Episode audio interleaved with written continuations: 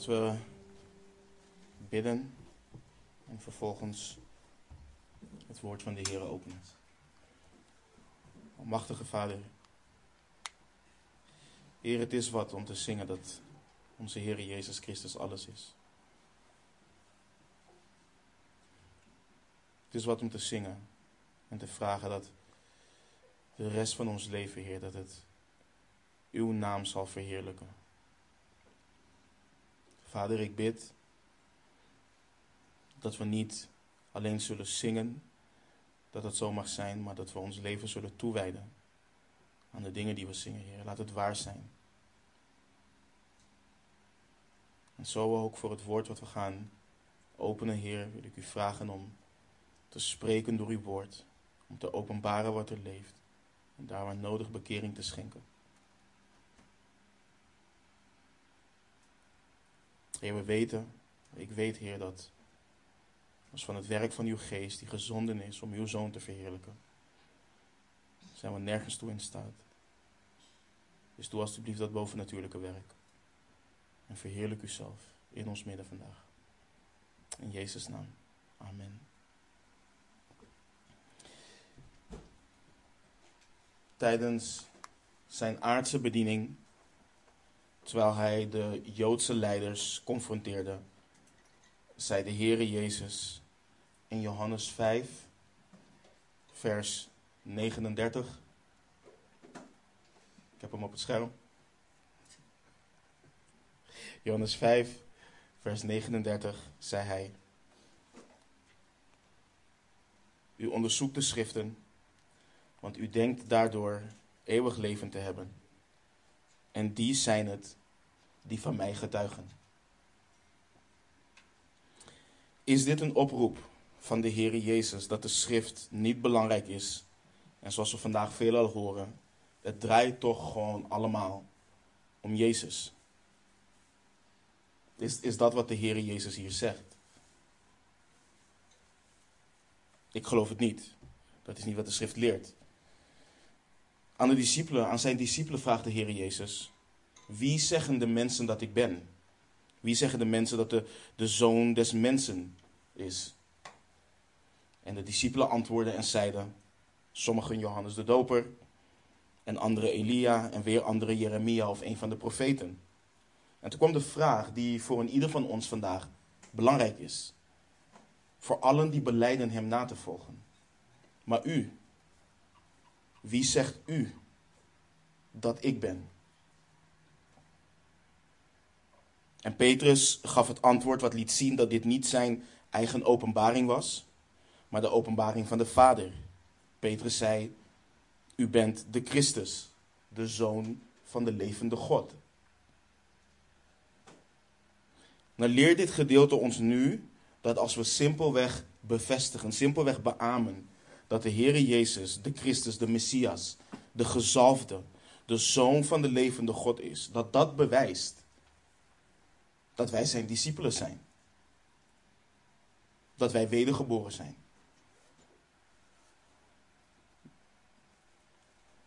Nee, want onze zaligmaker leert dat er sommigen zijn die het woord horen en dat meteen met vreugde ontvangen.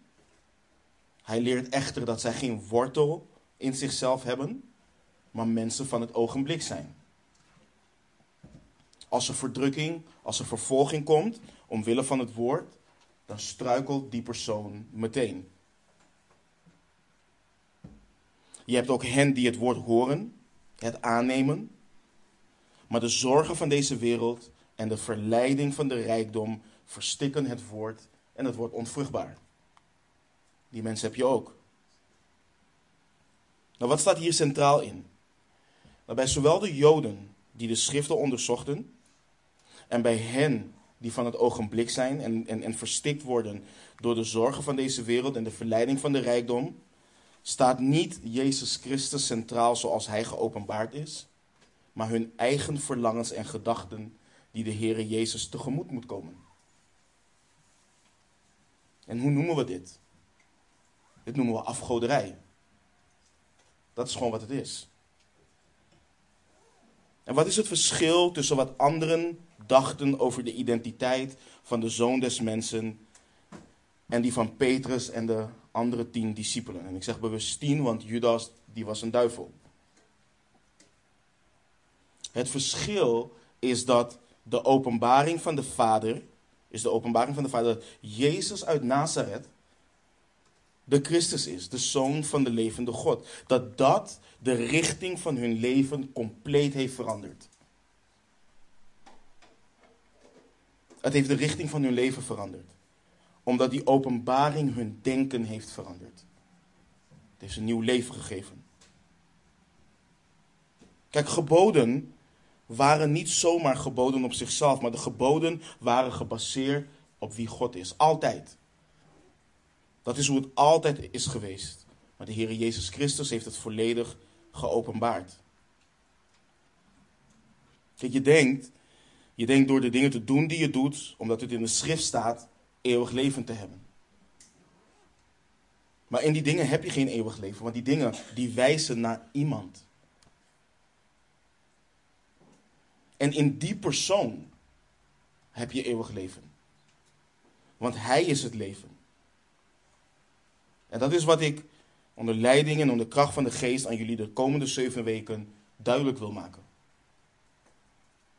Kijk, wij zijn hier omwille van Jezus Christus.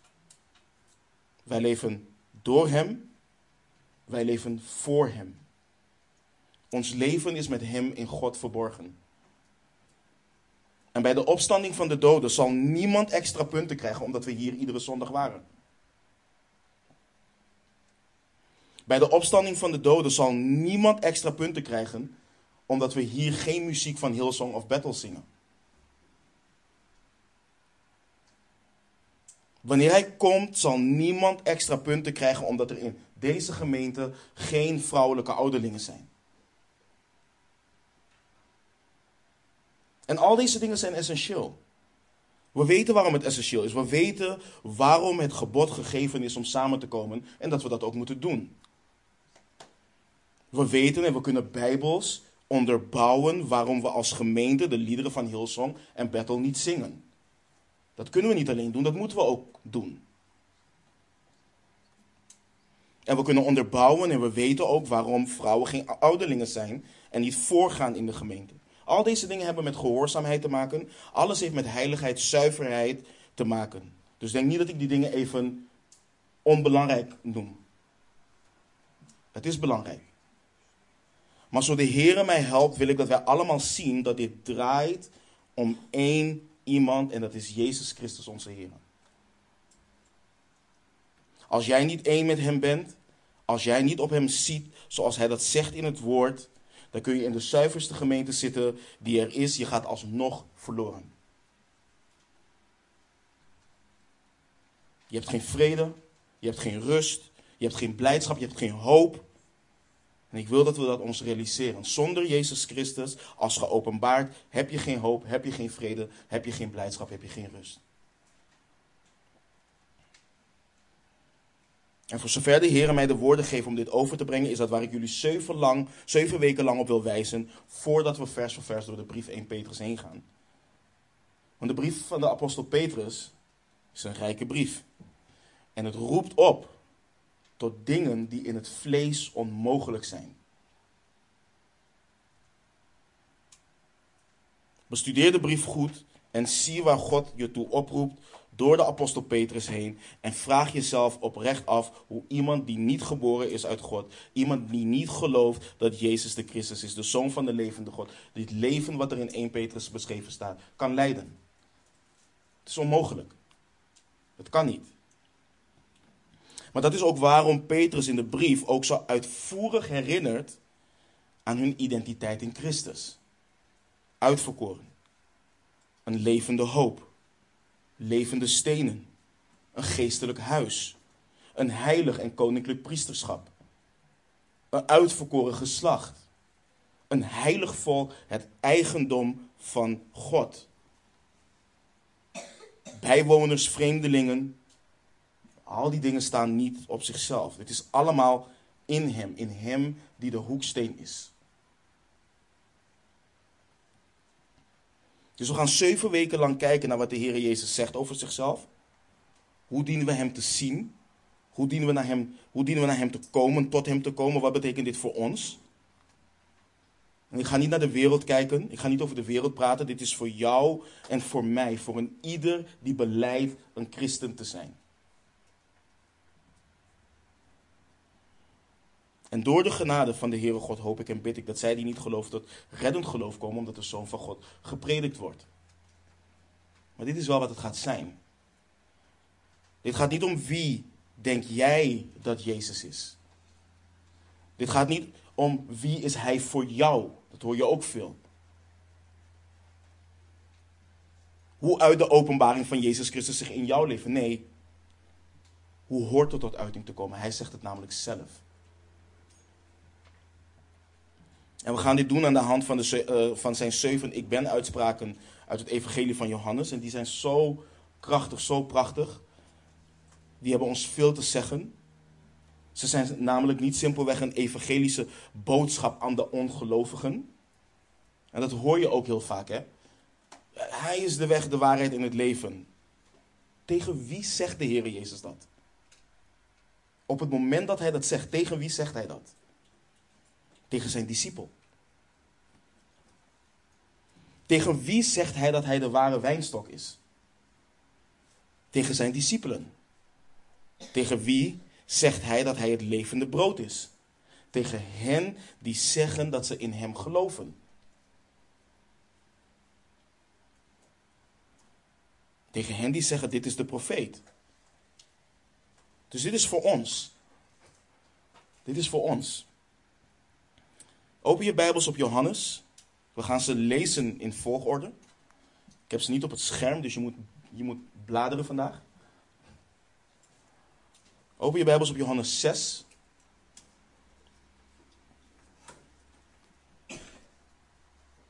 In Johannes 6, 35 lezen we de eerste uitspraak.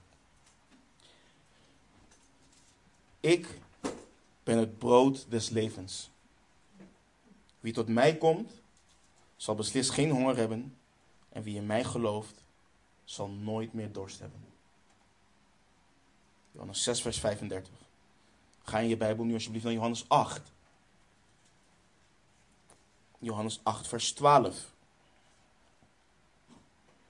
Jezus dan sprak opnieuw tot hen en zei: Ik ben het licht der wereld. Wie mij volgt, zal beslist niet in de duisternis wandelen, maar zal het licht van het leven hebben. Ik ben het licht der wereld. Wie mij volgt, zal beslist niet in de duisternis wandelen, maar zal het licht van het leven hebben. Johannes 8, vers 12. Ga nu naar Johannes 10. Johannes 10, vers 9. Daar lezen we: Ik ben de deur. Als iemand door mij naar binnen gaat, zal hij behouden worden. En hij zal ingaan en uitgaan en weide vinden. Als je iets verderop gaat in Johannes, hoofdstuk, of in Johannes 10, vers 14, dat is een paar versen verder. Ik ben de goede herder. En ik ken de mijnen en word door de mijnen gekend. Ik ben de goede herder en ik ken de mijnen en word door de mijnen gekend. Als je een hoofdstuk verder gaat naar Johannes 11, lees van vers 25 en 26. Ik ben de opstanding en het leven. Wie in mij gelooft zal leven, ook al was hij gestorven. En ieder die leeft en in mij gelooft, zal niet sterven in eeuwigheid. Gelooft u dat? Nou, het beroemde Johannes 14, vers 6. Johannes 14, vers 6. Ik ben de weg, de waarheid en het leven. Niemand komt tot de Vader dan door mij. Ik ben de weg, de waarheid en het leven. Niemand komt tot de Vader dan door mij. En dan Johannes 15, vers 5. Ik ben de wijnstok, u de ranken. Wie in mij blijft en ik in hem, die draagt veel vrucht. Want zonder mij kunt u niets doen. Zegt ook, ik ben de ware wijnstok. Uitspraken die het diepst van de ziel raken. Uitspraken die mysterieus klinken, maar zo helder zijn omdat de Heere Jezus zelf uitleg geeft over wat het betekent. En vandaag wil ik met jullie kijken naar Johannes 6:35, waarin de Heer Jezus zegt dat Hij het brood des leven is, levens is. Laten we een deel uit Johannes 6 lezen vanaf vers 22 en hierop inzoomen. We gaan niet vers voor vers door de tekst en zaken ontleden als bijvoorbeeld waarom de Joden verontwaardigd waren over het feit dat ze zijn vlees moesten eten en bloed moesten drinken. hoe, dat, hoe ze daarop reageerden vanuit hun gedachten met betrekking tot de wet. We gaan wel door de tekst heen voor de context en toepassing van de uitspraak. Het is een best lang gedeelte die ik met jullie wil lezen. Uh, maar het is belangrijk voor de context. We beginnen in vers 22. En wat daarvoor gebeurt gaan we zeker meenemen in de verkondiging. Maar vers 22, vanaf vers 22. De volgende dag zag de menigte die aan de overkant van de zee stond, dat daar geen ander scheepje was dan het ene waar zijn discipelen ingegaan waren. En dat Jezus met zijn discipelen niet in het scheepje gegaan was, maar dat zijn discipelen alleen weggevaren waren. Maar er kwamen andere scheepjes van Tiberias, dicht bij de plaats waar zij het brood gegeten hadden nadat de Heere gedankt had. Toen de menigte nu zag dat Jezus daar niet was, en ook zijn discipelen niet, gingen zij zelf ook in de schepen en kwamen in Capernaum om Jezus te zoeken. En toen zij hem gevonden hadden, aan de overkant van de zee, zeiden zij tegen hem: Rabbi, wanneer bent u hier gekomen? Jezus antwoordde hun en zei: Voorwaar, voorwaar, ik zeg u, u zoekt mij niet omdat u tekenen gezien hebt, maar omdat u van de broden gegeten hebt en verzadigd bent. Werk niet om het voedsel dat vergaat, maar om het voedsel dat blijft tot in het eeuwige leven, dat de Zoon des Mensen u geven zal. Want hem heeft God de Vader verzegeld. Zij zeiden dan tegen hem: Wat moeten wij doen, opdat wij de werken van God mogen verrichten? Jezus antwoordde en zei tegen hen: Dit is het werk van God, dat u gelooft in hem die hij gezonden heeft. Zij zeiden dan tegen hem: Welk teken doet u dan, opdat wij het zien en u geloven? Wat voor werk verricht u? Onze vaderen hebben het manna gegeten in de woestijn, zoals geschreven is: Hij gaf hun het brood uit de hemel te eten. Jezus dan zei tegen hen: Voorwaar, voorwaar, ik zeg u. Niet Mozes heeft u het brood uit de hemel gegeven, maar mijn Vader geeft u het ware brood uit de hemel. Want het brood van God is Hij die uit de hemel neerdaalt en aan de wereld het leven geeft. Zij zeiden dan tegen hem: Heere, geef ons altijd dat brood. En Jezus zei tegen hen: Ik ben het brood des levens. Wie tot mij komt, zal beslist geen honger hebben, en wie in mij gelooft, zal nooit meer dorst hebben. Maar ik heb u gezegd dat u mij wel gezien hebt, en toch gelooft u niet. Alles wat de Vader mij geeft, zal tot mij komen. En wie tot mij komt, zal ik beslist niet uitwerpen. Want ik ben naar de hemel neergedaald, niet opdat ik mijn wil zou doen, maar de wil van Hem die mij gezonden heeft. En dit is de wil van de Vader die mij gezonden heeft. Dat ik van alles wat Hij mij gegeven heeft niets verloren laat gaan, maar het doe opstaan op de laatste dag. En dit is de wil van Hem die mij gezonden heeft. Dat ieder die de Zoon ziet en in Hem gelooft, eeuwig leven heeft. En ik zal Hem doen opstaan op de laatste dag. De Joden dan morden over Hem, omdat Hij gezegd had, ik ben het brood dat uit de hemel neergedaald is. En zij zeiden, is Hij niet Jezus, de zoon van Jozef, van wie wij de vader en moeder kennen? Hoe kan Hij dan zeggen, ik ben uit de hemel neergedaald? Jezus antwoordde dan en zei tegen hen: Mor niet onder elkaar. Niemand kan tot mij komen, tenzij de Vader die mij gezonden heeft, hem trekt. En ik zal hem doen opstaan op de laatste dag. Er is geschreven in de profeten, en zij zullen allen door God onderwezen zijn. Ieder dan die, van die het van de Vader gehoord en geleerd heeft, komt tot mij. Niet dat iemand de Vader gezien heeft, behalve hij die van God is. Hij heeft de Vader gezien. Voorwaar, voorwaar, ik zeg u, wie in mij gelooft, heeft eeuwig leven. Ik ben het brood des levens. Uw vaderen hebben het manna gegeten in de woestijn en zij zijn gestorven. Dit is het brood dat uit de hemel neerdaalt, opdat de mens daarvan eten niet sterft. Ik ben het levende brood dat uit de hemel neergedaald is. Als iemand van dit brood eet, zal hij leven in eeuwigheid. En het brood dat ik geven zal, is mijn vlees, dat ik geven zal voor het leven van de wereld. De Joden dan reden twisten met elkaar en zeiden: Hoe kan hij ons zijn vlees te eten geven? Jezus dan zei tegen hen: Voorwaar, voorwaar, ik zeg u, als u het vlees van de zoon des mensen niet eet en zijn bloed niet drinkt, hebt u geen leven in uzelf. Wie mijn vlees eet en mijn bloed drinkt, heeft eeuwig leven. En ik zal hem doen opstaan op de laatste dag. Want mijn vlees is het ware voedsel en mijn bloed is de ware drank. Wie mijn vlees eet en mijn bloed drinkt, blijft in mij en ik in hem. Zoals de levende Vader mij gezonden heeft en ik leef door de Vader, zo zal ook wie mij eet leven door mij. Dit is het brood dat uit de hemel neergedaald is. Niet zoals uw vaderen het manna gegeten hebben en gestorven zijn. Wie dit brood eet, zal in eeuwigheid leven. Deze dingen zei hij terwijl hij onderwijs gaf in de synagoge in Capernaum. Tot zover. Als je het goed leest, als je het rustig leest, dan legt hij het eigenlijk allemaal al, al uit. Maar vaak wanneer wij deze tekst lezen, dan kunnen we verontwaardigd, we kunnen verbaasd zijn over de reactie van hen die zichzelf discipelen van de Heer Jezus noemen. Hoe kunnen ze zeggen en doen wat ze zeggen en doen, terwijl hen zo'n groot teken, zo'n heerlijkheid getoond is? Dat kan ook onze reactie zijn op de Israëlieten, wanneer we het Oude Testament lezen. Je hebt zoveel gehoord. Je hebt zoveel gezien. Wat is er nog meer nodig om in gehoorzaamheid aan de Heere God te leven? Wat is er nodig? Maar wat we echter dienen te beseffen is dat wanneer we de schrift oprecht lezen, het juist een tegenovergestelde reactie zou moeten opwekken. De schrift oprecht lezen produceert altijd nederigheid.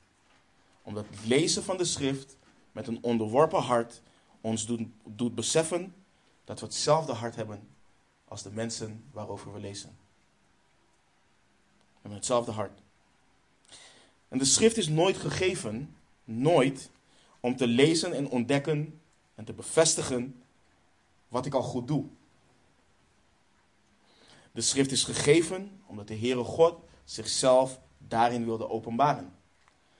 De schrift is gegeven omdat ze ons wijs kunnen maken tot zaligheid door het geloof dat in Christus Jezus is. Heel de schrift is door God ingegeven. Het is nuttig om daarmee te onderwijzen, te weerleggen, te verbeteren en op te voeden in de rechtvaardigheid, opdat de mens die God toebehoort volmaakt zal zijn tot elk goed werk toegerust, volkomen toegerust. De schrift is niet gegeven om te roemen in onze eigen wandel. Nou, waarom is dit belangrijk? In onze tekst worden we geconfronteerd met hen die zichzelf discipelen noemen van de Heer Jezus. Vers 25 zie je dat ze de Heer Jezus rabbi noemen. Deze menigte volgde de Heer Jezus omdat zij zijn tekenen zagen. Ze zagen de tekenen die hij deed aan de zieken. Het Pascha, het feest van de Joden, was nabij, was nabij. En de Heer Jezus sloeg zijn ogen op en zag dat er een hongerige menigte was die hem volgde. Matthäus 14 leert ons dat de Heer Jezus innerlijk met ontferming bewogen was over hen. En laat het goed inzinken. Hij weet dat deze menigte hem gaat verlaten. Hij weet het. Hij weet ook wat er in hun hart leeft. Maar hij was met innerlijke ontferming bewogen over hen. hoe goed onze zaligmaker is.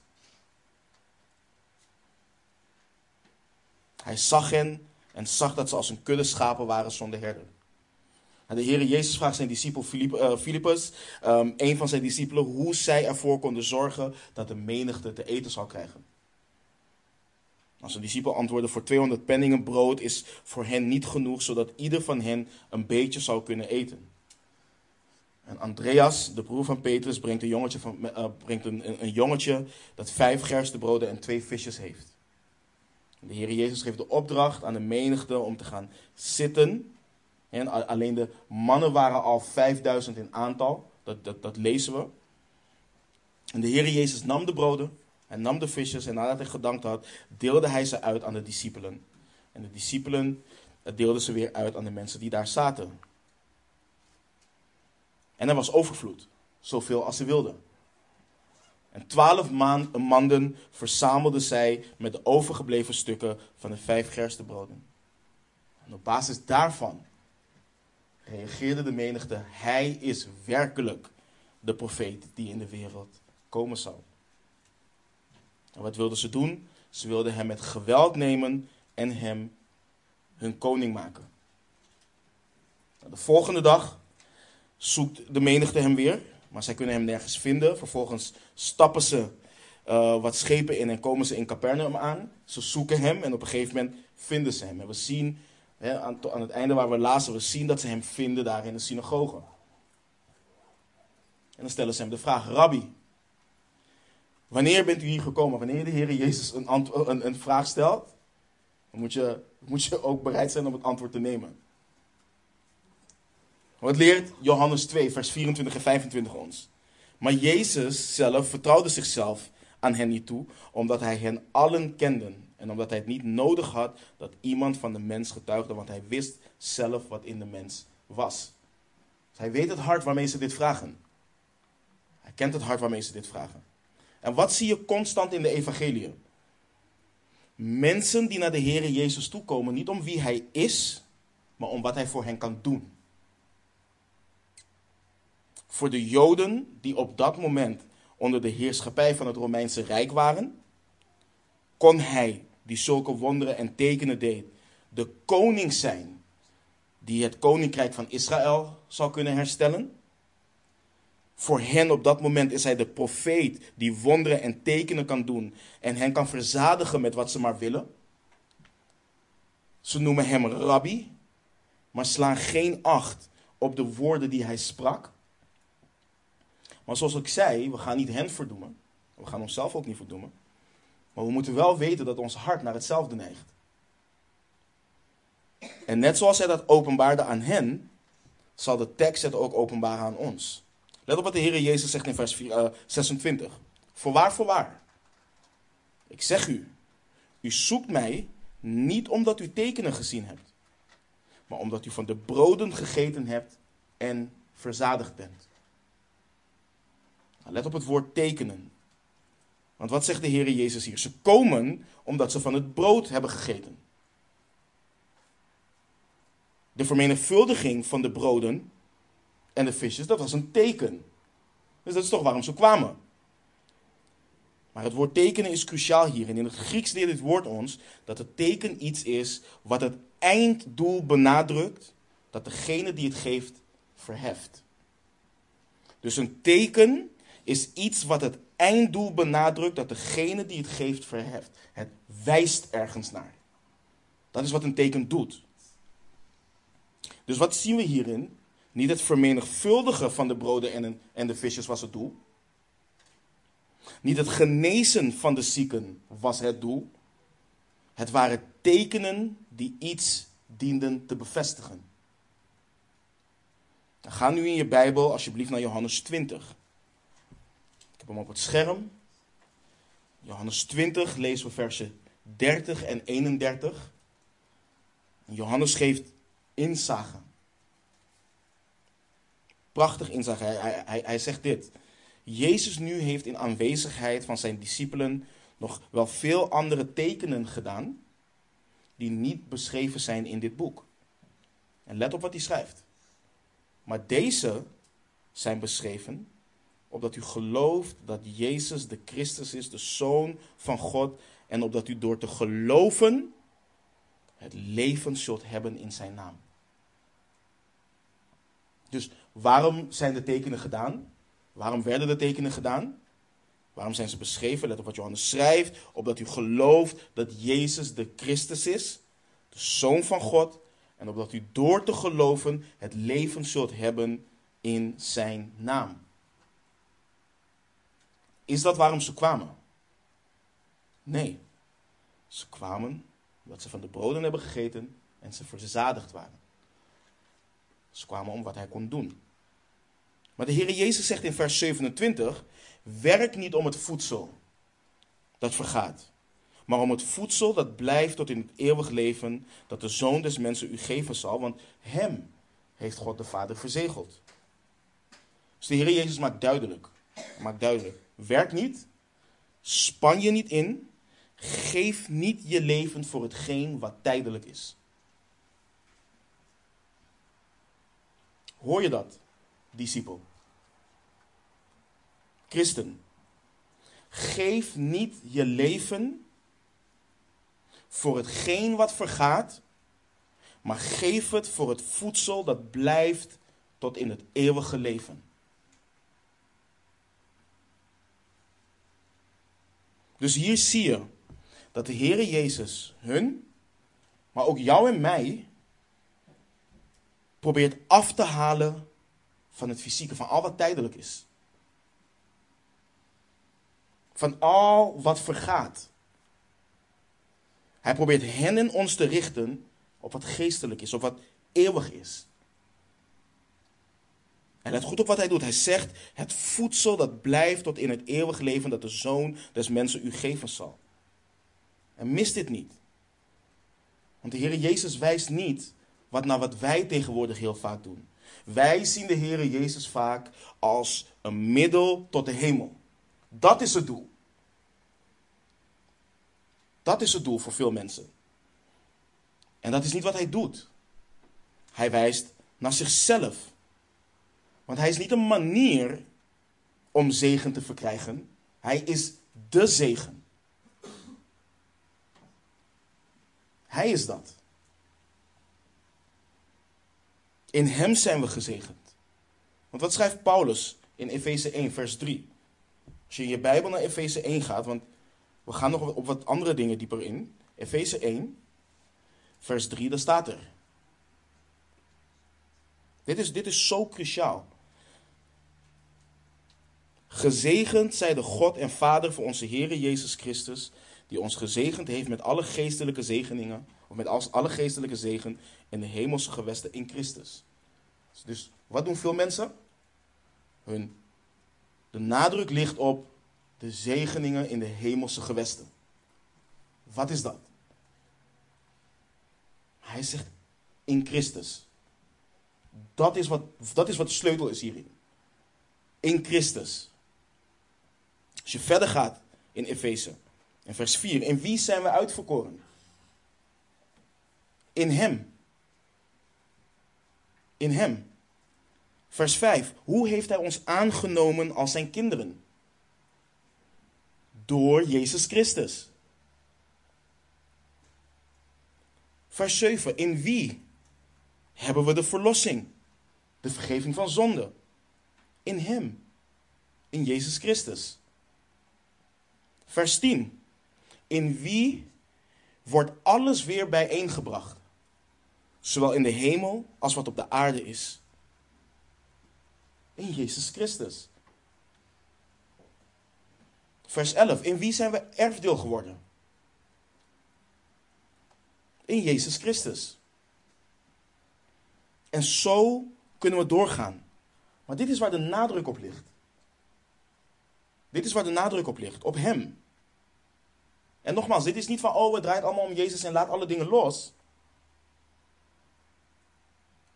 Maar dit is de juiste nadruk. En, en, en, wat doet de menigte? De menigte antwoordt hem, want ze begrijpen het niet. Hun vraag laat het zien, vers 28 van Johannes 6. Wat moeten wij doen opdat wij de werken van God mogen verrichten? Wat, mogen we, wat, moet, wat, wat, wat moeten we doen? En dan volgt het antwoord wat mensen niet willen horen. Vers 29. Dit is het werk van God. Dat u gelooft in Hem die Hij gezonden heeft. Dat u gelooft. Dat is het werk. Dat u gelooft. En let op het woord gelooft. Het woord wat daar wordt gebruikt is in het Grieks. Het is een werkwoord. We zien het in het Nederlands ook. Het is van het zelfstandig naamwoord pistis. in het Grieks. Het werkwoord leert ons om vertrouwen te hebben. Dit is niet simpelweg beamen. Niet simpelweg erkennen. De Heer Jezus zegt: Dit is het werk. Dat je jezelf toevertrouwt aan Hem die de Vader gezonden heeft. Dat is het werk. Dat je jezelf geeft aan Hem omwille van wie Hij is en de overtuiging die daarbij komt kijken. Want dat, zijn maar, dat, dat is het enige.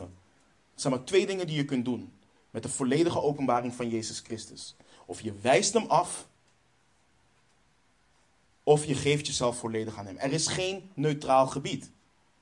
Er is geen neutraal terrein. Er is niet, je bent een vijand van God, een vriend van God en iets in het midden. En dit is waar het nu op aankomt. Let op een reactie, want we gaan het ook toepassen op onszelf. Welk teken doet u dan, opdat wij het zien en u geloven? Wat voor werk verricht u? Dan gaan nu snel naar boven in Johannes 6, naar vers 2. Dus de vraag is gesteld: welk teken doet u dan opdat wij het zien en u geloven? Wat voor werk verricht u? Nou, in vers 2 lees je: En een grote menigte volgde hem, omdat zij zijn tekenen zagen, die hij deed aan de zieken. Dus ze hebben het gezien. En nu, voordat je ze verdoemt, is de vraag dit. Hoe vaak leef jij zelf niet naar het idee dat de Heere God zichzelf moet bewijzen? Hoe vaak stel je hem de vraag of een vraag en hij antwoordt, zij het door zijn woord, zij het door broeders en zusters en doe je niets met de waarheid wat er overgeleverd is? Hoe vaak citeer je? Wees in geen ding bezorgd, maar ga je gebukt onder zorgen door het leven. Hoe vaak word je opgeroepen tot hoop, tot vreugde en blijdschap vanwege de genade die je hebt ontvangen, maar ga je verbitterd en verslagen door het leven. Waarom is dat? Want je werkt voor hetgeen wat vergaat. Je ogen zijn gericht op hetgeen wat vergaat. Je werkt voor een partner, je werkt voor een huis, je werkt voor een auto, je werkt voor een kind, je werkt voor je gezondheid. Je werkt voor comfort, je werkt voor vakantie, je werkt voor eten en drinken, je werkt voor hetgeen wat vergaat. Alles behalve jezelf volledig toevertrouwen aan Hem, die door de Vader gezonden is. En dat zijn, de dat zijn de aardse dingen, dat zijn de materiële dingen. Maar zo is het ook in de religieuze wereld. Je werkt om de psalmen van 1773 te zingen. Je werkt omdat het avondmaal op een bepaalde manier moet staan. Je werkt omdat je vindt dat de kerk op een bepaalde manier vormgegeven moet worden. En je denkt, daar zit het eeuwig leven in. Dan zit het goed. Dan heb ik in ieder geval gedaan wat ik moet doen.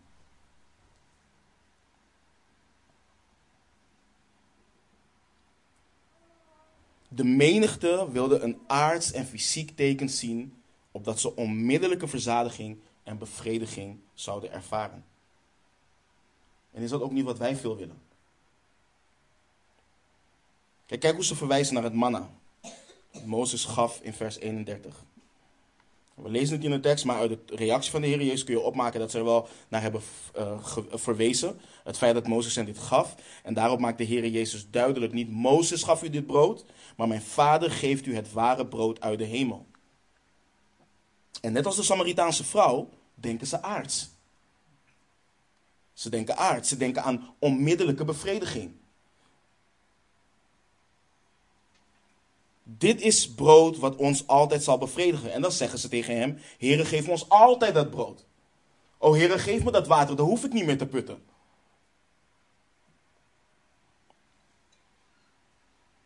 Maar ze hebben niet geluisterd. Want hij zei wat het brood is in het vers daarvoor, in vers 33. Want het brood van God is hij die uit de hemel neerdaalt en aan de wereld het leven geeft. Maar je zou nog kunnen denken, dat is te cryptisch. Ook al maakt hij met het woord hij een verwijzing naar een persoon. En vanaf vers 35 maakt hij onmiskenbaar duidelijk wie en wat het brood des levens is. Hij herhaalt het namelijk ook in vers 48 en vervolgens ook in vers 51. Hij noemt zichzelf het levende brood. En let dus op. Let op hoe de Heer Jezus iets fysieks, iets wat aards is, iets wat iedereen kent, gebruikt om diepe geestelijke waarheid te openbaren. Deze Joden zouden onmiddellijk hebben begrepen wat de diepe en significante betekenis van de verwijzing naar brood zou zijn. Ons gaat het over het hoofd. Brood is een basisbehoefte. Het is onmisbaar in deze cultuur. Als je niets hebt en in ieder geval brood kunt maken of hebt, dan zit het nog goed. Maar heb je geen brood, een gebrek aan brood is hongersnood. Je zal verhongeren, je zal sterven. En de Heer Jezus maakt hier duidelijk, er is een hongersnood gaande. Jullie ziel, jullie geest, jullie hart, het is dood. Dit gaat niet om het Romeinse Rijk.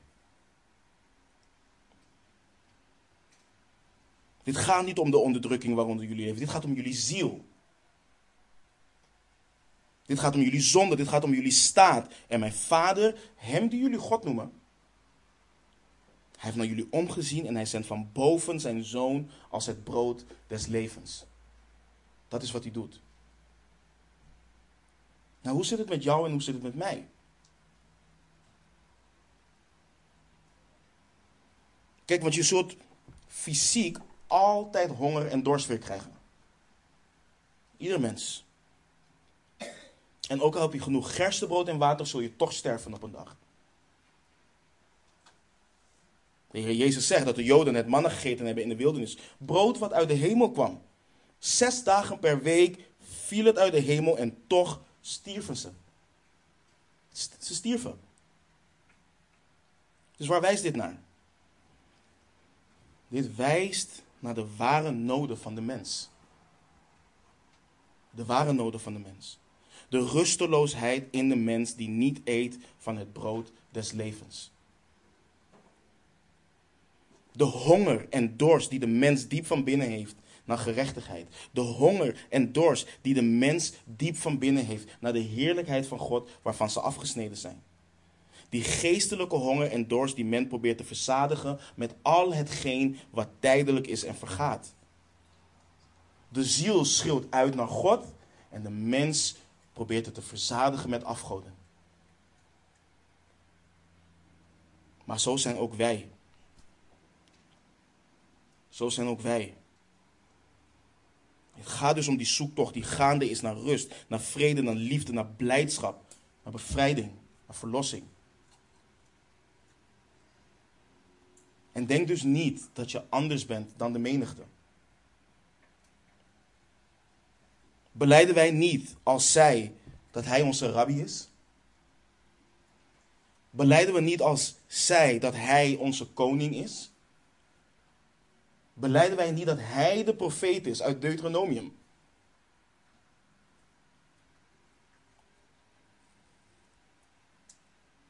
En de vraag is dan, aanvaarden we Hem als koning zoals Hij zichzelf heeft geopenbaard? Of willen wij net als de menigte ook een aardse koning? Eén die al onze problemen hier en nu oplost.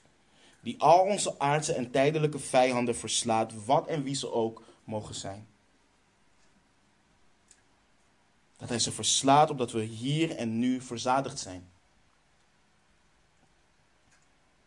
Zien we niet in dat de werken van God niet zijn dat we zelf uitkiezen wat we doen?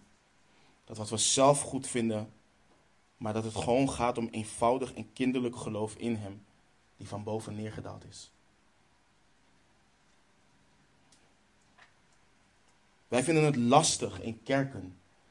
Zeker wanneer je 5, 10, 15, 20 jaar al wandelt met de Heer om gewoon een boodschap te horen over je moet geloof hebben. Dat willen wij niet. Dat willen wij niet. Wij willen kijken naar de tekenen om ons heen. En tuurlijk, de Heer Jezus spreekt daarover, absoluut. Maar we zijn verontwaardigd wanneer iemand vraagt: heb je geloof? Heb je geloof als een kind? Ben je verzadigd in Hem? Ja, hoe bedoel je? Ik ga toch iedere zondag naar de kerk? Ik lees toch iedere ochtend lees ik toch gewoon mijn Bijbel? Ik bid toch voor het eten? Ik bid toch voor het slapen gaan?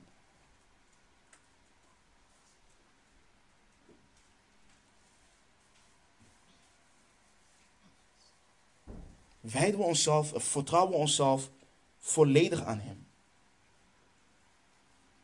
Moet je het volgende zeggen. En ik spreek niet om jullie te kastijden, maar omdat ik van jullie hou. Als je, die, als je die partner krijgt die je wilt, maar niet verzadigd bent in hem, dan kan ik je garanderen dat je huwelijk zal falen. Als je het huis, de auto, de baan, wat het materieel gezien ook mag zijn, als je krijgt wat je wilt, maar nu niet verzadigd bent in hem, dan kan ik je garanderen dat je meer zal gaan blijven begeren. Als jouw kind en of partner tot geloof komt, maar je nu al niet verzadigd bent in hem, dan kan ik je garanderen dat je niet de blijdschap, hoop en vrede zult ervaren waar je naar op zoek bent.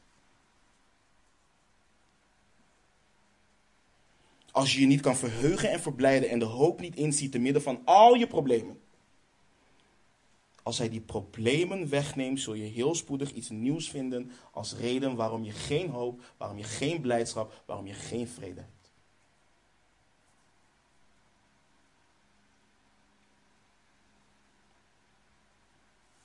Waar span je je voor in? Waar span je je voor in? Waar werk je voor? Waar geef je je leven voor? En niemand zegt hier: Oké, nee, weet je wat, dan zeg ik maandag mijn baan op, want ik hoef toch niet te werken voor dingen die vergaan. Daar hebben we het niet over.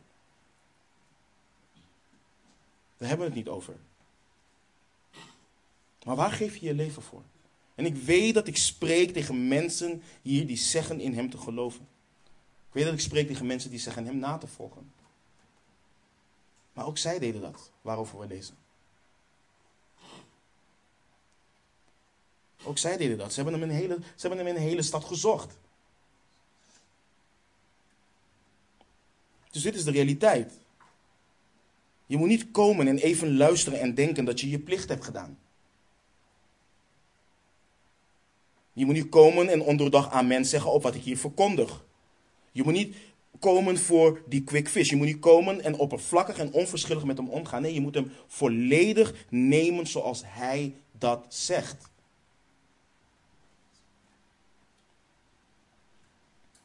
Er is geen leven in minder dan dat.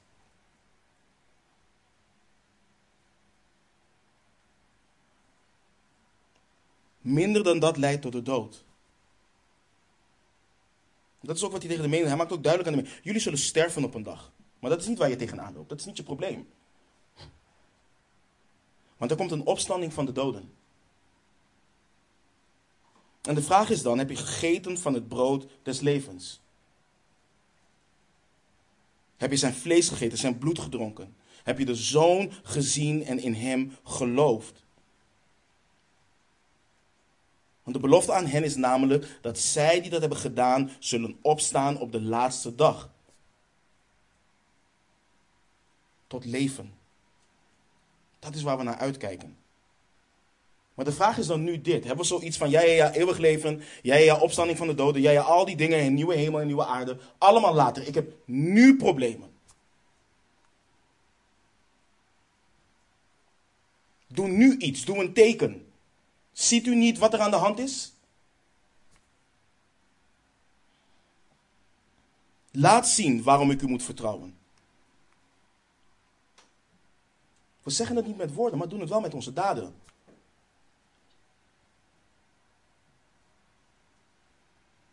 Dit gaat om je eenheid met Hem, je vereniging met Hem. Jij in Hem, Hij in jou. Dat is waar dit om draait. Betekent dit nu niets, dan zal het later ook helemaal niets betekenen. En let, en let broeders en zusters, let op het hart, let op ons hart. Zie ons hart in hoe zij morren. Let op vers 41. Hoe vaak doen wij dit niet? Hoe vaak bidden we niet Hoe vaak vragen we niet om wijsheid, hoe vaak schreeuwen we niet naar hem uit, maar wanneer hij antwoord geeft, dan morren we. Dan morren.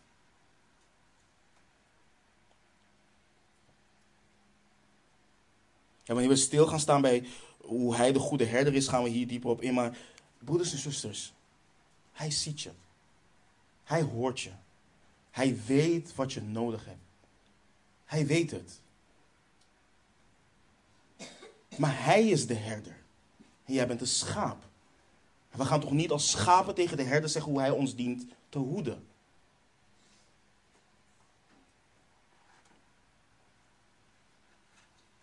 De vader zegt, je hebt het brood des levens nodig. Dat is wat hij geeft. Dat is wat hij geeft. Dat is wat hij gegeven heeft. Je hebt het nodig om levend gemaakt te worden. Je hebt het nodig om in leven te blijven. Het is de voeding die jouw ziel nodig heeft. Iedere dag. Iedere dag weer. Alleen daardoor zul je leven. En is dit niet wat mensen zoeken? Leven. Maar is dat niet iets waar iedereen een eigen definitie van heeft? Het woord leven. Het komt meer dan 15 keer voor in dit hoofdstuk. Maar de belofte wat er wordt gegeven, het eeuwig leven, het leven in hem, dat lezen we zo'n acht keer. Dat woord zoe, is het in het Grieks, is een belangrijk woord. Er is een ander woord voor leven in het Grieks, maar het woord leven wat de Heer Jezus hier gebruikt, laat echt maar dan ook echt zien wat jouw nodig is en wat die van mij is. Want dit, want dit woord spreekt van leven wat in de geestelijke zin altijd en alleen voortkomt en onderhouden wordt. Door Hem die het leven zelf is. Door God. Dat is ook het woord wat er in Johannes 20, vers 31 wordt gebruikt.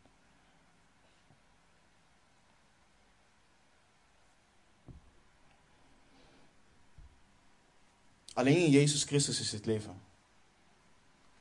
In zijn naam. Dit leven is niet in religieuze gebruiken. Het ligt niet in de elementen en de vorm van aanbidding. Het ligt in Hem die van boven neergedaald is. Hem heeft de Vader verzegeld. Kom je tot Hem, dan zul je verzadigd worden.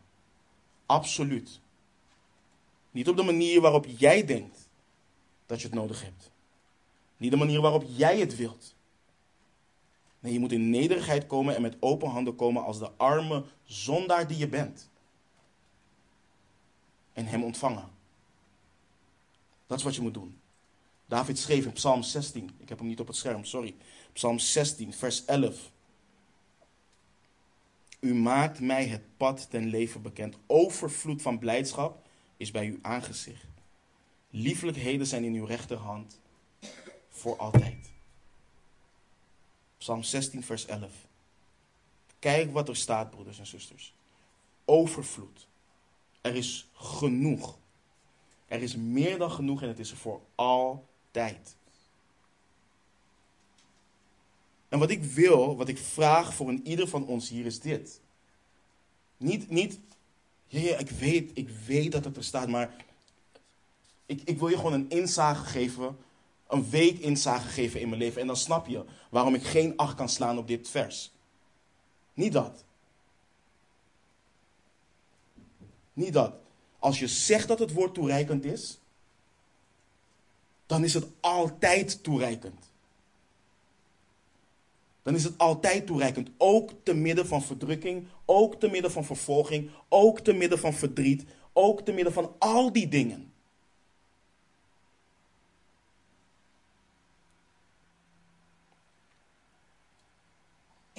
Dus de vraag is: nader je iedere dag tot Hem voor je dagelijkse voeding? Broeders en zusters, ik heb het niet over een vers van de dag. Ik heb het niet over een plicht die je hebt gedaan. Ik heb het niet daarover. Ik heb het over het feit dat God zei dat de mens zal leven van ieder woord dat uit zijn mond komt. Kom je iedere dag als een pasgeboren kind, wat alleen verzadigd kan worden met dit pure, zuivere, hemelse brood. Als vier dagen eten van een ieder van ons wordt onthouden en de vijfde dag er eten is, dan rennen we allemaal naar die tafel, uitgehongerd. En de Heere God zegt, dit is het brood wat je nodig hebt voor je ziel. Kunnen we dan genoegen nemen? Met kruimels.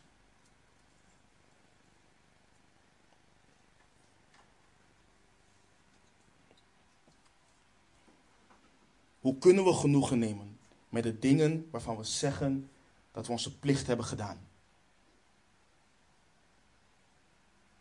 Kijk, het maakt me niet uit of je vijf Bijbelstudies per dag leest of luistert. Het maakt me niet uit of je iedere dag een preek luistert. Dit alles wijst naar Hem. Dat is waar dit om draait. Het is niet Jezus en nog iets erbij. Het is vanuit Hem vloeit alles voort. Want het is makkelijk om religieus te zijn. Het is makkelijk om. Een simpel voorbeeld. Ik, ik, ik verwees net bijvoorbeeld naar de psalmen van 1773. Maar de vorige week hadden we daar een prachtig gesprek over. Als je ziet hoe de, de, de, de, de kerk, de mens, heeft grappige kronkels in hun hoofd. Toen de psalmen van 1773 werden geïntroduceerd, toen werd het als werelds gezien. Weggaan van hetgeen wat we altijd hebben gedaan en wat geïnspireerd is door God. En de huidige kerk die dat nu zingt, die wil niks horen van de liederen die wij nu zingen. En dat is het ding wat wij doen. Dat is wat wij doen als mensen. Wij gaan naar de elementen, naar de vorm van aanbidding. We zeggen, oké, nu is het goed. En weten niet eens dat de Heer Jezus buiten de deur staat te kloppen en niemand hoort hem. Niemand hoort hem. We zijn in ons huis en we zeggen dingen tegen anderen. Ja, maar je moet je Bijbel lezen, je moet dit doen, je moet dat. En van binnen is ons hart ver van Hem. We beleiden Hem met onze lippen, maar ons hart is ver van Hem.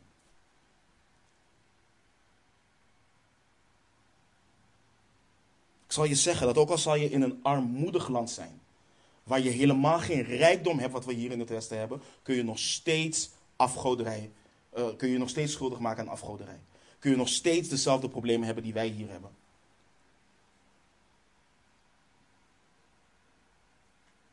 Wanneer hij waarlijk wordt aangenomen, zal hij ook waarlijk verzadigen.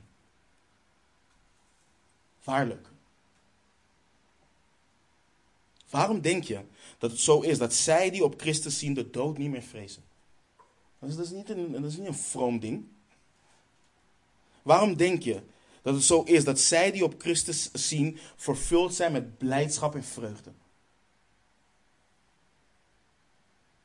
Waarom denk je dat het zo is dat zij die op Christus zien vrede hebben, vrede hebben wat het verstand te boven gaat?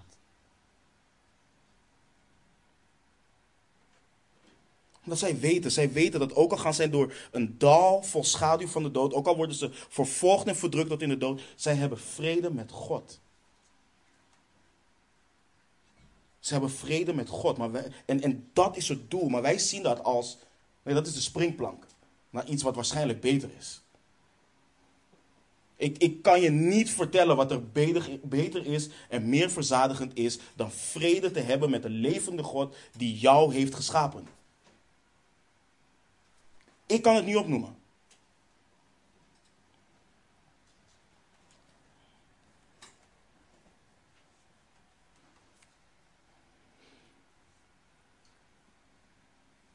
Toen Adam en Eva vielen, stierven ze.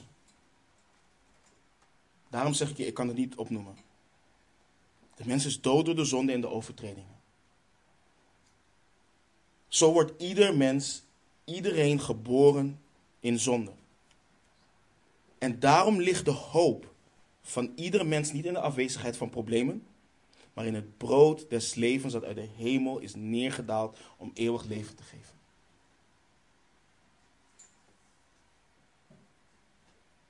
Kijk, prijs de Heer, absoluut, voor alles wat Hij geeft, op welk vlak dan ook. Maar wat wij moeten leren, vooral hier in het Westen, Wij die een beetje, wij, wij, wij die ons afstoten van de dingen van de charismatische kerk, maar toch dat denken hebben. Wij prijzen Hem als die ene rekening betaald wordt. Als dat ene gebeurt waar we zo op hopen. Maar vergeten dat aan de andere kant van de wereld broeders en zusters zijn. Die niet vrijuit kunnen zingen zoals wij zingen. Die niet, die, waarvan die rekening het minste van hun problemen zouden zijn. En dan zie je dat het een springplank is van wat God kan geven en wat Hij kan doen, in plaats van wie Hij is.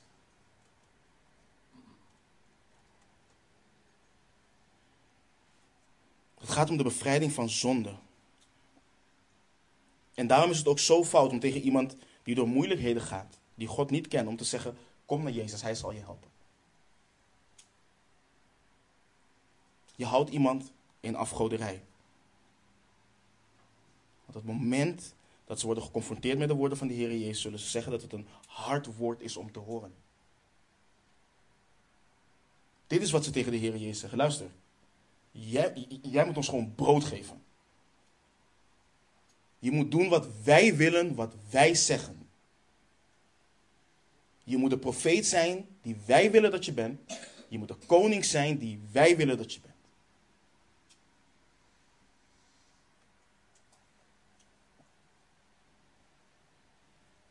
En nu is de vraag dit.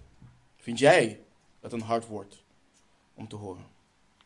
Vind jij het hard om te horen te midden van de brandende verlangens die je hebt? Te midden van hetgeen waar je wellicht doorheen gaat. Werk niet voor hetgeen wat vergaat. Werk niet voor hetgeen wat vergaat.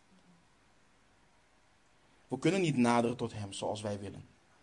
We kunnen Hem niet aanvaarden zoals wij willen. We kunnen niet zeggen dat Hij een goed leraar is, maar niet acht slaan op de woorden die Hij heeft gesproken.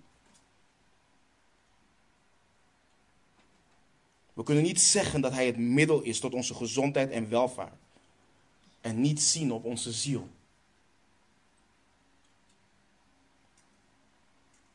Hij heeft ons die ruimte niet gegeven, hij heeft ons die vrijheid niet gegeven, net zoals hij dat niet aan de menigte heeft gegeven.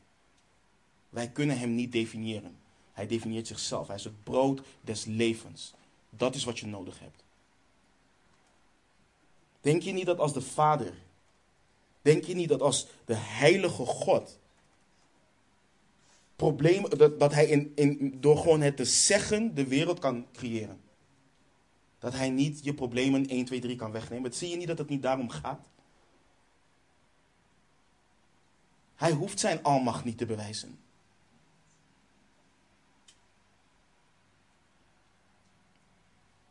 De Vader heeft hem gegeven, hem. En in zijn liefde, genade en barmhartigheid doen neerdalen uit de hemel, opdat je mag zien, je geestelijke noden inziet en jezelf volledig aan hem geeft, aan hem toevertrouwt. De Vader kende de honger en de dorst die we hebben en gaf ons het ware manna. Dat is wat hij ons gaf. Dat is wat je nodig hebt. En dit komt neer op dit nu. Heb je leven? Je kunt nuttigen van het avondmaal wat we zo gaan nuttigen. Maar als je niet waarlijk van Hem hebt gegeten, wat simpelweg betekent als je niet in Hem gelooft, als je niet levend gemaakt bent met Hem, als je niet met kinderlijk geloof tot Hem nadert, en jouw leven verliest omwille van Hem, je net zo verloren bent als de mensen die wegliepen.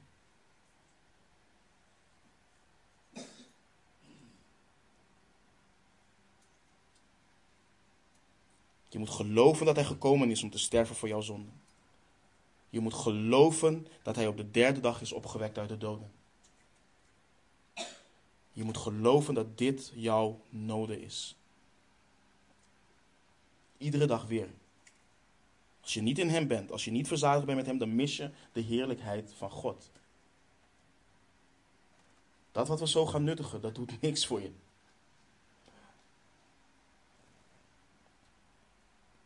Zet je hart niet op wat vergaat. Kom tot Hem. En geniet van het levende brood. Hij is jou gegeven door jouw Vader. Die weet wat je nodig hebt. Amen. Laten we bidden.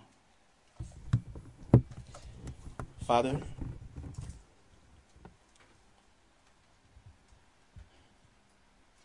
Ons hart, Heer, maakt afgoden op een niveau wat wij zelf niet eens kunnen beseffen.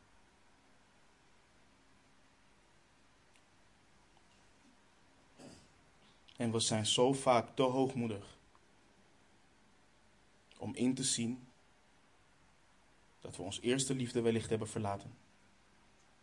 Dat we genieten van al hetgeen wat aards en tijdelijk is. In plaats van hetgeen waarvan u zegt dat wij dat nodig hebben. Uw zoon. Het brood des levens. Hetgeen wat u gegeven heeft in al uw, in al uw genade. In al uw goedheid. In al uw liefde, Heer. Help ons als kinderen die, net zoals aardse kinderen die naar hun ouders luisteren en leren dat hun ouders weten wat goed voor hen is. Leer ons om zo naar u te luisteren, Heer. Om u te gehoorzamen. Om, die, om, om in Christus te zijn en Hij in ons.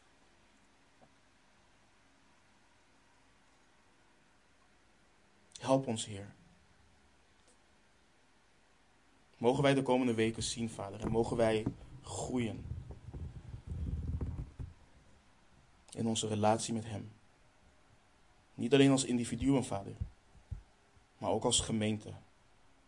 Hier wilt u ons behoeden in het vervallen in menselijke rituelen en gewoonten.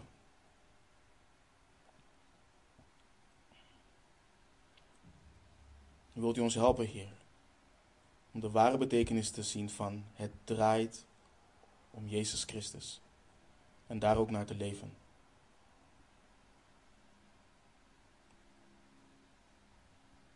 Heer, we vragen dat we hongerig zijn. En alleen U kunt dat stillen, Heer. In Jezus' naam bidden we. Amen.